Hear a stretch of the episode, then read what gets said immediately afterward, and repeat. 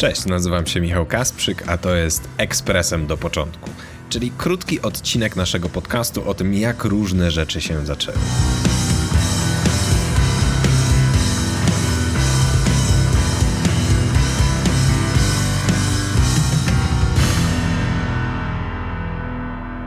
Jakiś czas temu zapytaliśmy Was na fanpage'u na Facebooku o pomysły na tematy odcinków i przyszedł czas, żeby z nich skorzystać.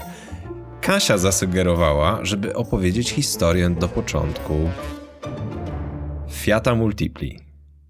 I oto ona.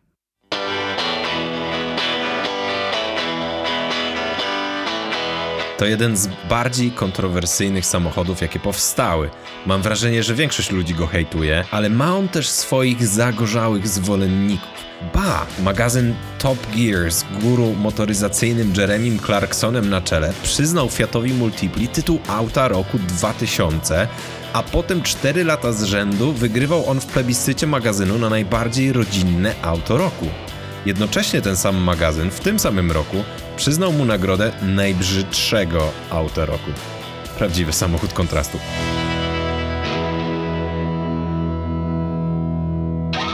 Na pewno go widzieliście, ale jeżeli nie kojarzycie, to w notatkach wrzucam link do zdjęć na Wikipedii. Zróbcie pauzę, żeby rzucić na niego okiem, a ja poczekam. No, mówiłem, że poczekam.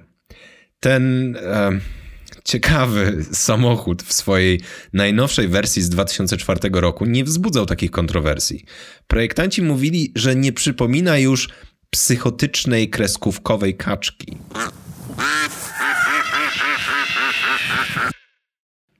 Ale właśnie ze względu na wygląd, wersja z 1998 roku to prawdziwa legenda.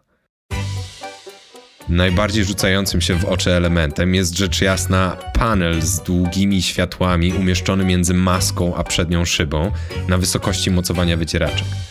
Ze względu na niego i to, że wyraźnie oddzielał dół samochodu od jego góry, pracownicy Fiata nazywali go coffee pot i myślę, że mogło im chodzić o kawiarkę lub ekspres przelewowy.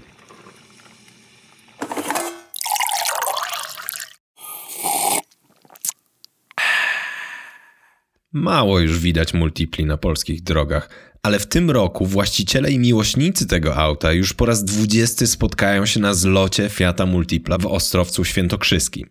Co ciekawe, sam Fiat chyba się wstydzi tego modelu, bo jak na stronie fiat.com wpisze się w wyszukiwarkę Multipla, to nie dostajemy żadnych wyników. Ale do rzeczy, a właściwie do początku.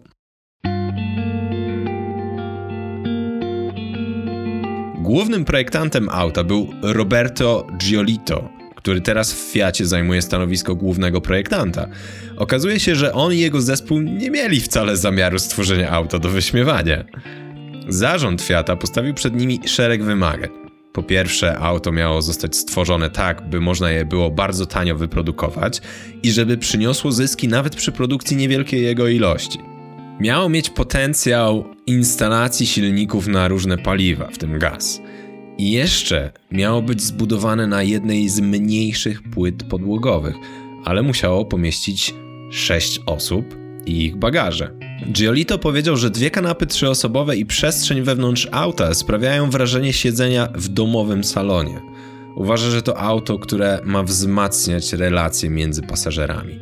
Twierdzi, że, i tutaj mocno parafrazuję, widząc uśmiechniętych ludzi w środku, możemy się zastanawiać, czemu oni się tak szczerzą w tej szkaradzie.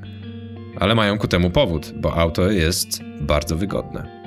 To auto stworzone dla rodziny, co zresztą potwierdzają zdobywane przez nie tytuły, o których już wspominałem. Model z 1998 roku to nie była jednak pierwsza multipla w portfolio Fiata. Wcześniej Fiat stworzył bowiem model Seicento Multipla. W którym to było roku? To za chwilę.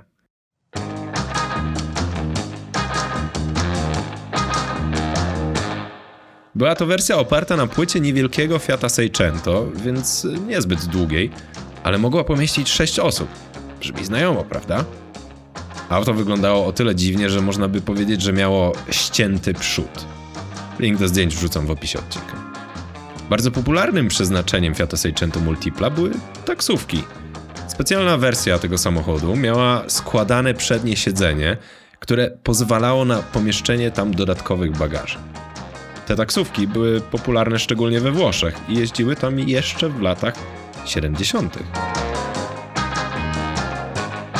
To w takim razie, kiedy wyprodukowano pierwszego Fiata Seicento Multipla? Było to w roku 1956.